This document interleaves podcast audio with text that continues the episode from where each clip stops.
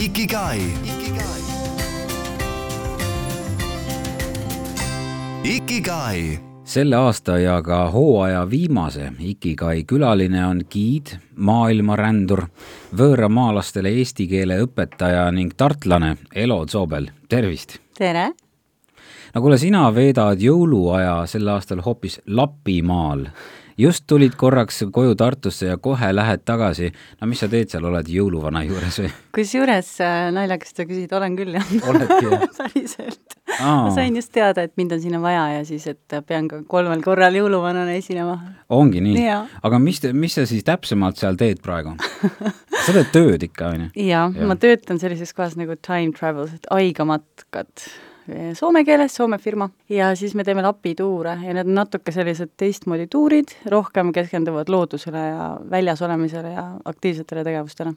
põhjapõdrad ja püstkodade ehitamised ja äh, põ-, mis need on, lumepüüd ja kõik sellised asjad absoluutselt. ja, ja me, me käime tõesti saami perekonnal külas näiteks, kellel on siis oma põhjapõdrad, neil on neid tuhandeid ja mm. nad liiguvad siis mitmesaja kilomeetri raadiuses ja, ja karjatavad neid Norra ja Põhja-Rootsi vahel mm. ja siis äh, loomulikult jah, me õpetame neile niisuguseid äh, Arktika ellujäämis, kuidas öelda, ellujäämisoskusi näiteks lumeonnide ehitamist väikse laviini äh, labidaga oh, oh. ja siis äh, tule tegemist magneesiumpulgaga mm. ja siis ka kalapüüki. kuigi noh, selleks peab äh, puur kaasas olema. ja, ja kas seal on praegu kogu aeg virmalised ja on polaaröö? jaa, et see oli päris naljakas, nüüd väga dramaatiline, ma olin kuu aega seal, just tulin paar päeva tagasi korraks ja siis mingi hetk see päike kadus et äh, kui minna natuke lõunapoolsemasse linna Kirunasse, me oleme Kirunast põhjas Abisko rahvuspargi lähedal, Põhja-Rootsis tavaliselt, ja siis meilt kadus päike enne ära ja siis me paar päeva hiljem saime veel viimast päikest näha seal Kirunas. enne kui ta head aega ütles, enam ei tõusnud horisondi tagant. kas nüüd on siis täitsa kottpime, nagu meil siin äh, pärast kella nelja või mismoodi? jah, täiesti, täiesti pime. aga mingi päevavalguse kuma on ikkagi, mõned tunnid päevas siis kui kaua see aeg seal kestab, millal jälle siis hakkab normaalseks minema no,? eks veebruarist. veebruar, sa oled seni seal siis? mina ei, nüüd ma lähen uueks aastaks ja tegelikult meil jaanuaris on paus, sest et meie turistid on kõik rahvusvahelised tudengid, kes mm. õpivad erinevate programmidega siis Rootsis või, või Taanis või, või Soomes tudengitel on ka siis pausid ja eksamite ajad mm. ja siis me alustame veebruaris uuesti. väga äge. no Elo, meie oleme sinuga juhuslikult kohtunud täiesti suvalistes kohtades, kuskil Kesk-Soomes, maantee servas, mina tulin autoga ja siis pidasin kinni, tšau Elo, mis sa siin teed? jaa, see oli nii sürr, see oli kuskil, see oli kuskil lahti lahti kandis. tead, ma isegi ei mäleta, minu jaoks ta oli täiesti suvaline koht kuskil, mingi parkla umbes. ja see oligi väga naljakas, sest me hääletasime, siis meid pandi maha ja järsku vaatasin, oo, kes seal, tšau. ja siis nüüd hiljuti kohtusime ka Palermos Sitsiilias tänaval niimoodi, tere Elo ehm, ühesõnaga, sina rändad äh, väga palju ja mina ilmselt siis rändan ka piisavalt, et sellised kokkusattumused saavad üldse juhtuda. on sul teisigi selliseid äh, uskumatuid lugusid inimeste kohtumisest oma rännakutel mööda ilma? kuule jah, ma tõesti kohtan inimesi väga veidrates kohtades. Ähm, näiteks me olime sõbrannaga Etioopias mägimatkal, Semieni mägedes ja me olime siis kahekesi, meil oli giid ja skaut püssiga ja siis olime jõudnud päris kõrgele juba kuskile, see oli mingi kolm tuhat kaheksasada või mingi, mingi päris kõrge laager. ja siis järsku sööme seal ja järsku tuleb mingi inimene, ütleb eestlased tere ja siis viis meid enda seltskonna juurde, siis oli Priit Kuusk Aa. enda kambaga, enda matkakambaga ja mm -hmm. siis äh, üks äh, inimene sealt oli veel olnud minu vanaisa üliõpilane kunagi, teine oli minu siis Äh, sõbranna üliõpilane olnud kunagi juuras. nii et, et väga-väga huvitav oli see. ja, ja siis äh, kuskil Pariisi kõrvaltänaval ühte parimat sõbrannat kohanud, keda polnud mm -hmm. kaks aastat näinud ja noh, ikka on neid kohtumisi, seesama Palermos oli väga sürr kui palju sa ise tööväliselt üldse rändad, seal Palermos ma tean, sa olid küll puhkamas, mitte tööd tegemas, aga kas, kas sul üldse on veel endal niisama reisimise isu?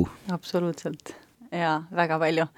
ja see nüüd, need paar aastat, kui ei saanud eriti käia, siis, siis oli, oli küll raske. et ma arvan, et see töö ongi mind valinud, sellepärast et mulle lihtsalt rändamine väga meeldib ja enda vabal ajal ma ka ikkagi reisin nii palju kui võimalik. oled sa kunagi kokku arvutanud, mitu päeva aastast sa oled Eestis ja mitu mujal? ma arvan, et äh, ei ole, aga ükskord ma küll tegin kokkuvõtte, see oli aasta kaks tuhat kaheksateist, siis ma avastasin, et ma ei ole nädal aega, kauem kui nädal aega ühes riigis viibinud. välja arvatud siis seal terve aasta jooksul, välja arvatud siis, kui ma olin kaks nädalat Kuubal äh, aasta alguses ja kaks nädalat Eestis suvel siis. Muidu oli iga paari päeva tagant kohavahetus uh, kuule, see on ikka korralik tempo. see oli paras tempo. siis ma küll mõtlesin, et huvitav, nüüd peaks puhkama aga väga kaua ma ei suutnud kuulame vahepeal muusikat ka ja, ja puhkame mõtet. millist lugu tahaksid kuulata? minule meeldib, kuna praegu olen Tartus tagasi ja siis mõtlen oma äh, siin, siin oldud elatud aja peale, siis ma tahaks kuulda kahte tüdrukut, see on nii Tartu laul minu jaoks ja minu parima sõbranna Estriga seotud. tuleb tore. kena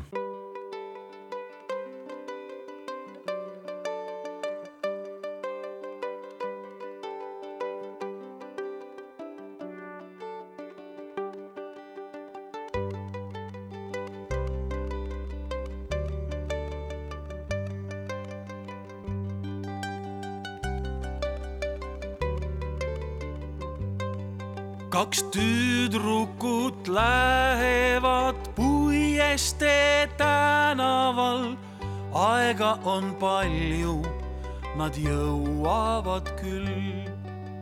kus te küll käisite, kellega laulsite?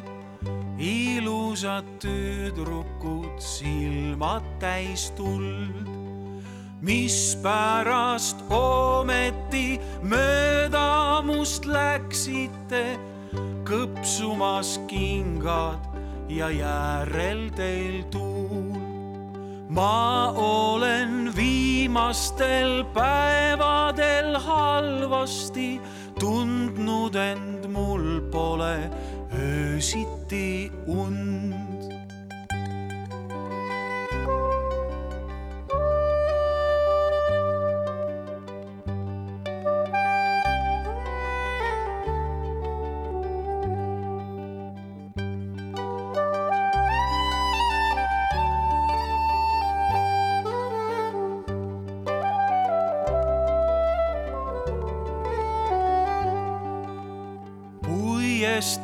tänaval ongi üks puiestee, siis kui ka puudest on alles vaid känd. mis teie nimed on, ilusad tüdrukud, sajand saab läbi ja siis algab uus. kaks tüdrukut lähevad Puiestee tänaval aega on palju, nad jõuavad küll.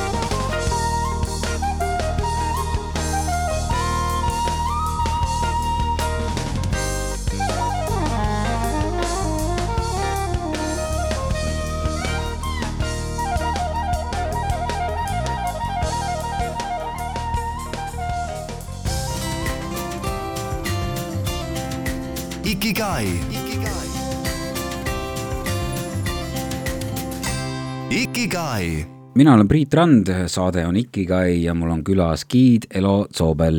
no kuidas sa üldse jõudsid selle giidi ametini? see on väga hea küsimus ja see tuli ka mulle endale üllatusena, et ma nüüd giidiks hakkan sest et äh, mul ei olnud üldse sellist plaani kunagi ja ma ei, tartlasena, võib-olla tallinlasena nad mõtlevad selle peale rohkem, neil käib rohkem turiste seal mm. -hmm. aga tartlasena ma tõesti ei mõelnud selle peale, et niisugune karjäärivõimalus on. Ja siis ma äh, pärast ülikooli lõpetamist läksin äh, reisima lihtsalt sõpradega ja jõudsin Berliini. ja kuna mul ei olnud plaanis tol hetkel edasi õppida ja ka polnud mingit tööd veel valmis vaadatud, siis mõtlesin, et läheks seiklema ja, ja Berliin mulle meeldis siis siis ma otsustasin sinna jõudes, et siia võiks kolida, võib-olla paariks kuuks näiteks, ja siis mõeldud-tehtud, kolm nädalat hiljem elasin seal. Keelt ei osanud ja väga palju ka tööväljavaateid ei olnud, aga ikkagi pusisin, otsisin mm -hmm. endale seal mingeid baaritöid ja siis äh, kohtasin kedagi metroos, kellega ma hakkasin rääkima ja küsisin teed või midagi sellist ja kes tutvustas mind siis järgmisele inimesele kes ka pärast mingit lühikest jutuajamist küsis, et ega sa, ega sa giidiks ei taha saada, et mi-, millist tööd sa üldse otsid ma ütlesin, et tahan, miks mitte, jah, võiks proovida. Ja siis ta kohe soovitas mind ja siis tuli välja, et sinna firmasse saabki ainult äh, soovituste kaudu. sinna ei saagi kandideerida. nii et täielik juhus? täiesti juhus ühesõnaga, see töö leidis mind siis järelikult, et äh, siis ma läksin äh, sellisele koolitusele, kus meid siis pandi erinevatesse olukordadesse, vaadati, kuidas me mingite stressiolukordadega hakkama saame ja mm. milline on meie tase. ja siis äh, visati põhimõtteliselt vette tundmatusse, siis ma läksin juba mingite gruppidega mööda Euroopat sõitma. Ja ka kohtadesse, kus ma ei olnud siis veel käinud ja ja see oli enne nutitelefoni, et siis oli väga, väga põnev. Kuna ei olnud ka internetti mobiilset, siis me bussijuhiga õhtuti äh, selle Google Translate'iga arutasime jär-, järgmise oh. päeva teekonda, sest et me ei osanud üksteise keeli ka päris visa oled siis. aga, aga grupp oli järelikult äh, mitte sakslased, vaid kuskilt mujalt? jaa, sest saksa keelt ma noh, nüüd juba natuke räägin, aga siis ei rääkinud üldse, aga ameeriklased on kõik, et lisaks sellele Soome firmale ma töötan äh, firmas, mille nimi on EF uh, Ultimate Break ja siis oli EF uh, Cultural Tours. ja see EF on siis Education First, see on tegelikult rootslase asutatud firma, mis enamasti tegeleb keeleõppereisidega, neil on hästi palju keeltekoole, aga siis seal üks haru on, mis äh, toob turiste siis USA-st ja Kanadast Euroopasse. Ja siis on sellised äh, hariduslikud reisid koos õpetajatega ja kooligrupid mm. ja need olidki mul alguses. ja nüüd ma olen liikunud sinna ühte teise osakonda, kus on sellised iseseisvad reisijad vanuses kaheksateist kuni kolmkümmend kaks kes siis täiesti iseseisvalt tulevad, aga kuna ameeriklastel see reisimiskultuur on natuke erinev kui eurooplastel, siis nad ei taha iseseisvalt tulla, nad ei noh, võib-olla ei julgegi mm. -hmm. ja siis see on väga hea viis neil ka leida sõpru ja samamoodi mõtlevaid inimesi ja tulla kokku kuskil Euroopas ja nüüd ma reisin nendega siis tõesti mööda Euroopat ringi mm. -hmm. ja nemad siis omakorda moodustavad grupi, eks ole, ja mm -hmm. sina oled ikkagi, käid suurte seltskondadega, et mitte väikeste kampadega? pigem suurte seltskondadega, et vahepealsetel aastatel ma mõned aastad töötasin ka ühes Austraalia firmas nimega Bussabot ja neil, noh, meil olid niisugused väikesed, kümme inimest nii, mis oli väga tore, intiimne, saad kõigiga väga headeks sõpradeks, aga IF-is on enamasti äh, ütleme, kakskümmend viis kuni kolmkümmend viis, tavalised on niisugused. nüüd pärast äh, pandeemiat siin mm -hmm. on väiksemad grupid, aga noh, seda, seda mõnusam on olnud tegelikult viimastel tuuridel mm. -hmm kuidas see giiditöö üldse käib, kas sa ise valmistad kõik ette ja loed iga objekti vaatamisväärsuse kohta mitu raamatut läbi või äh, kuidas see protsess käib, ettevalmistus? oleneb tuurist ja oleneb firmast, kus ma olen töötanud, aga valdavalt meil on ikkagi suuremates linnades on kohalikud giidid, kes on siis vastava tõendi ja haridusega mm. -hmm näiteks Itaalias äh, ja Austrias sul ei olegi lubatud üldse giidida, kui mm. isegi majadest rääkida, kui sul ei ole seda tõendit ah,, suured trahvid, jah. aga, aga noh, see teeb meie töö jälle lihtsamaks, et meie anname neile sellist üldiselt kultuurilugu, siis sellist, mida sa kutsud võib-olla tänavatarkuseks mm, -hmm. et, äh, et noh, et neid hoida sekeldustesse sattumast näiteks. ja siis me õpetame neid, kuidas ühistransporti kasutada ja näitame neile toredaid kohti, et võib-olla seda hoonetest ja ajaloost rääkimist on vähem minu mm -hmm. töös, aga ikka on. mingid taustateadmised mul on olemas, aga need tekivad, need kogu aeg arenevad, sellepärast et ma ju kuulen ka neid tuure kogu aeg ja ma loen ise juurde ja nii edasi. lahe. giidituuridel on alati need tüütud sellid, kes tulevad ja võtavad mikrofoni käest ära või siis karjuvad vahele ja justkui teavad sellest kõigest palju rohkem kui sina. mis on sinu nipid, kuidas neid ohjeldada? jah, ma mõtlen, kas mul on selliseid olnud, selliseid inimesi väga palju ei ole, sellepärast siis et on hea ju. et ma arvan, et äh, kui ma nii võin öelda, siis ameeriklaste jaoks juba see, et sa oled eurooplane, siis sa kohe tead nendest palju rohkem. Nad ikkagi tahavad sind kuulata, neid huvitab mm. -hmm. mõtlen, kuidas distsiplineerida natuke, mul on mingid oma võtted mm, Mhm. -hmm. et kuidas, kui bussis, kui inimesed räägivad, et kusjuures ma just hiljuti kolleegidele ütlesin, et ma küsin, et oota, kas sul oli mingi küsimus? ja tavaliselt siis, siis mul pärast enam ei ole juttu mm. -hmm. keegi ei tee seda pahatahtlikkusest või sellest, et neid ei huvita, nad mõnikord lihtsalt väsinud või ei taju, kui kõvasti nad räägivad ja, ja nii edasi. aga sellised väiksed nipid, mis ei ole üldsegi ebaviisakad, sa lihtsalt äh, kuidagi an- annad märku võib-olla, et, et praegu sa räägid, siin natuke segab, kui nad vahele räägivad.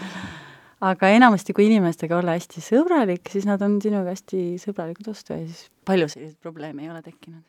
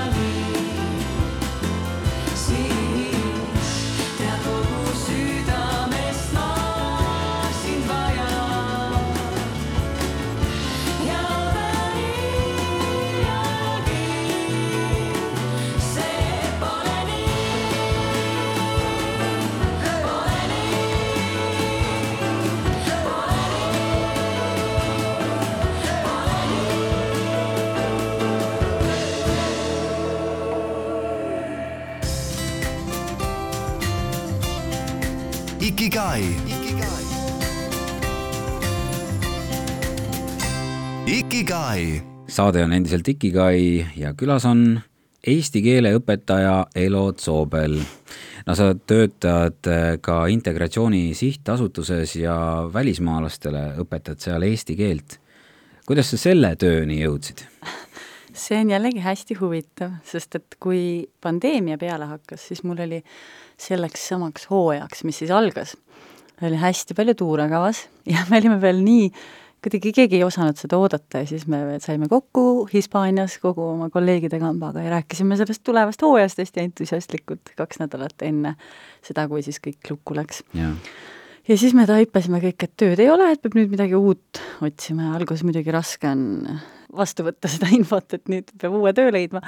aga siis ma hakkasin otsima, ma arvan, umbes kuu aega pärast seda, kui kõik kinni läks. ja siis ainus töökuulutus, mis minuga rääkis või nagu mind kõnetas, oli see, et otsitakse keelekandjaid ja see oli hästi ilusti kirjutatud kuulutus, mõtlesin, et need inimesed peavad väga toredad olema, kes niisuguse töökuulutuse on kirjutanud ja siis ma neile oma motivatsioonikirja saatsin ja siis mind võeti sinna vastu, siis mul olid erinevad intervjuud ja, ja selline ülesannete plokk, kus me Zoomis äh, tegi- tegime teiste õpetajatega siis koos tunni. Ja siis meid valiti sinna gruppi, kes sai, kes sai siis ka, me saime eraldi siis Tartu Ülikooli koolituse ja diplomi.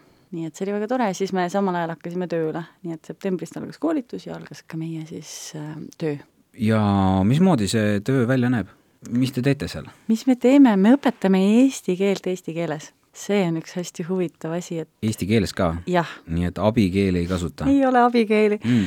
teinekord väga harva üritad mõnda sõna seal tõlkida, aga kuna minu vene keel ei ole nii hästi arenenud, näiteks meil on seal venekeelsed või ingliskeelsed, et siis ma ei saa kasutada kumbagi abikeelt, kuna ühes ma ei ole nii hea ja teis-, siis on natuke ebaaus, kui ma, kui ma teises seletan mm. -hmm. Mhm. et siis me püüame täiesti käte-jalgade ja piltidega ja nad saavad hakkama küll.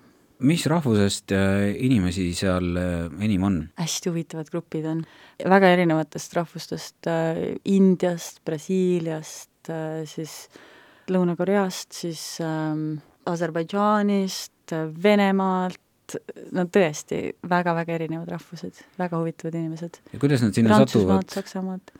kas see on selline avalik info või, või on neil nagu mingi suunamine?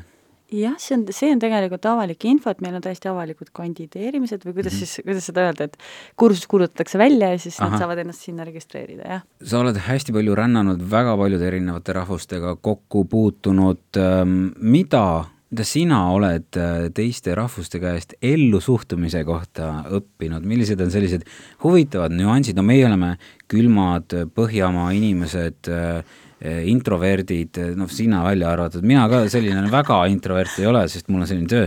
mida sa oled õppinud? mulle meeldib jälgida noh, teisi inimesi ja, ja ma kindlasti olen, ma ei, ma ei tea, kas ma olen õppinud suhtumisest, aga ma arvan, et kindlasti mingil määral mul on muljet avaldanud mingid teatud erinevad kultuurid ja ja näiteks see Aafrika mind vapustas või kuidagi hea, heas mõttes, et äh, kui hästi seal asjad toimisid, kuigi miski justkui ei toiminud. et see, kuidas saab asjad aetud niimoodi, et sul ei ole bussijaama, aga bussid kuskilt lähevad, see oli siis Etioopias, ja siis sul on vaja mingisse teatud linna saada ja kõik korraldatakse sinu eest ära, nii et sa ei pea ise väga muretsema, et sa lihtsalt ütled kellelegi, kes siis ütleb järgmisele inimesele järgmises linnas Jaa. ja kogu see teekond kestab seitse tundi, sa mõtled, kuidas see võimalik on, kuidas see välja kõik tuli, aga tuleb. ja sul on mingid kohad, kus süüa veel vahepeal ja, ja nii edasi, et äh, see on väga huvitav ja jälgida seda ka, et kui pikk on inimeste kannatlikkuse aeg, kui kaua võib kuskil venitada, seda ma kindlasti ka kogen, kui ma erinevate gruppidega töötan, sest et aigamatkad või seal time travel siis Lapimaal meil on tõesti inimesi üle kogu maailma. oled sa märganud, et äh, osad eestlased käituvad välismaalastega koos olles kuidagi teisiti? noh, et nagu natuke nagu poeks või oleks nagu alandlik, et äh, ja samas on esialgu natukene ka reserveeritud ja kinnised, et et miks sa arvad, miks see nii on, miks me nagu justkui äh, tahame nagu meeldida võõramaalastele? ah, see on võib-olla kõik meie minevikust tulnud. no esiteks tegelikult eestlased tihti vist ei mõtle selle peale, et me oleme ju rahvusvaheline riik olnud kogu aeg, et meil ongi siin erinevad rahvused ju kogu aeg elanud. me oleme sakslaste ja venelastega siin koos elanud. Tallinn on täiesti rahvusvaheline linn olnud, on ju. ja kuidagi eestlased on alati siis need võõrama keeled ära õppinud, on ju. Et noh, meie oleme Mhm. siin ju mitmekeelsed ja ma arvan, et äh, minu õpilased näiteks seal Integratsiooni Sihtasutuses ütlevad mulle, et neil on äh, väga raske, sest eestlased kõik tahavad inglise keeles rääkida, kui nemad tahavad oma eesti keelega. aga ma arvan, et lihtsalt see võib olla nagu kultuuriline eripära ka, et mis meiega siis juhtus, kui me olime vahepeal nagu Nõukogude äh, riiki suletud et siis pärast seda meil on kangesti vaja olnud tõestada, millised me oleme ja näidata seda maailmale, et aga, aga mida sa arvad, mida kardavad need eestlased, kes ei äh, taha välismaalastega suhelda, kes hoiavad omaette, kes ütlevad, et äh, ei, et siia ei ole vaja teisi, mis nende hirmud võiks olla või miks nad niimoodi suletud on? julged sa spekuleerida? ma oskan ainult öelda seda, et Berliini müüri selle alles jäänud tüki peale on kirjutatud, et need, kes ei taha, et maailm muutuks, ei taha, et maailm alles jääks.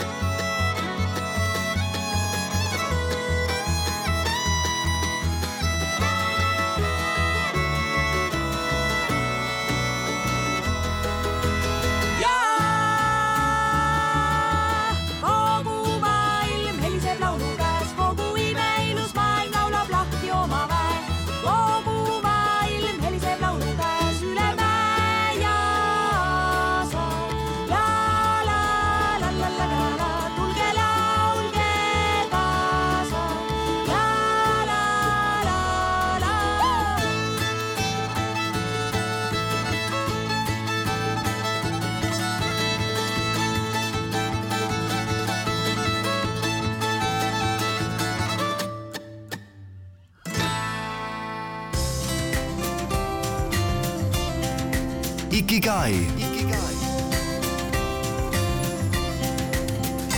Ikigai. saade on Ikigai, mina olen Priit Rand ja mul on külas Tartust pärit rändur ja giid Elo Zoobel. sa oled äh, aktiivne inimene ja ekstravertne suhtleja, aga kas tunned end vahel võõraste inimeste seas üksikuna ka? noh, et äh, on küll suur grupp ja toredad inimesed, aga nad on siiski võõrad. ei tunne, okei okay., ma olen tundnud kindlasti elus ennast mm -hmm. niimoodi. aga mingil hetkel ma otsustasin, et ei, et see on midagi, mis mulle me- meeldib teha ja ja ma olen suhtunud sellesse teistmoodi, ma arvan lihtsalt. see on minu elu ka, ma ei ole mingi kaubavedaja, et ma kuskil vean selle kauba ära ja siis lähen koju, eks ju. vaid ma tegelikult naudingi seda, et ma saan erinevate inimestega suhelda, ma saan nende elust ka osa, ma olen väga suur osa nende elust, sest mõnel ongi ainus Euroopa puhkus kunagi, on ju, mis nad teevad ja siis ma saan sellest osa olla, et see on väga-väga tähtis. ja, ja ma arvan, et tegelikult selliste töödega, kui sul ei ole üheksast viieni, esmaspäevast reedeni töö, vaid on sellised perioodilised käigud, et siis sul jääb tegelikult pere ja sõprade ja lähedaste jaoks väga palju aega. et kui sul on selline rutiinne töö, siis tegelikult ma arvan, sa oled väsinum õhtuti ja vähemalt mina olen, et see minu natuur on teistmoodi kas sul on nende ekskursantide seast äh, tekkinud siis äh, väga palju sõpru ka, kellega sa pidevalt suhtled või kui äh, lihtne on sul neist lahti lasta? ma ei lasegi lahti. mul on täiesti teine Facebook tegelikult enda gruppidele, et mul on seal hästi palju tuttavaid, aga, aga muidu ka sotsiaalmeedias me ikkagi jälgime üksteist ja mind kutsutakse pulmadesse näiteks, et ma oh. lähen järgmine aasta New Yorki pulma. vägev kutsuti ka Indiasse pulma muide mm., aga sinna ma ei saanud minna, sest ma olin tööl.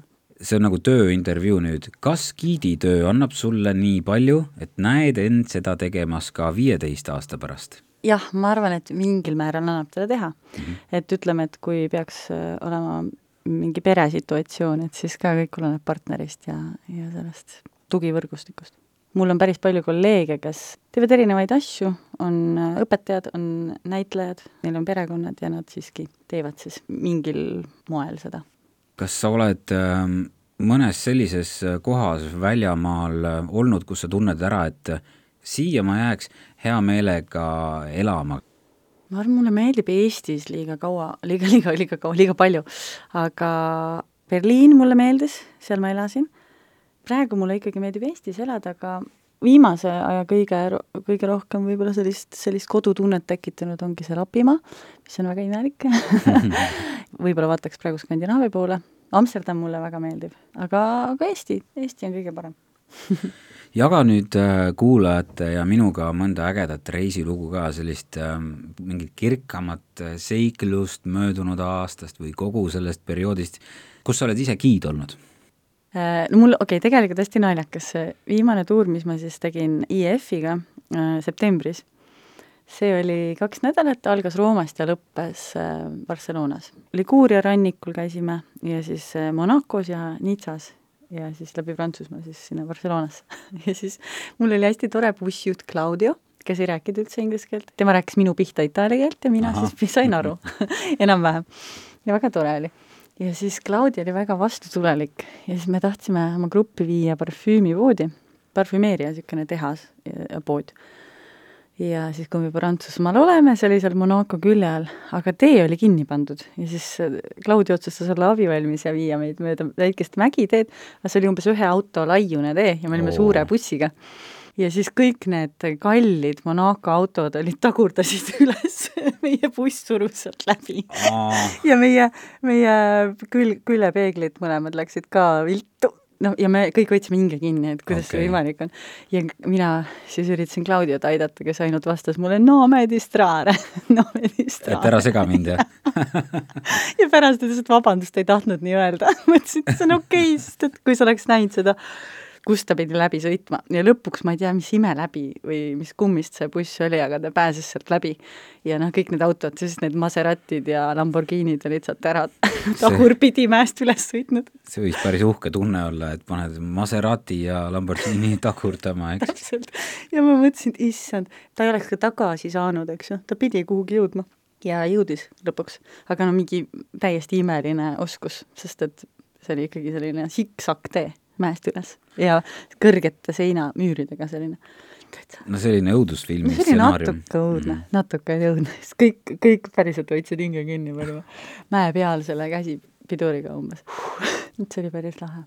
sa lähed nüüd tagasi Lapimaale ja uus aasta ootab ees, mis su plaanid on, hästi palju reisimist? Mul tuleb hästi palju reisimist.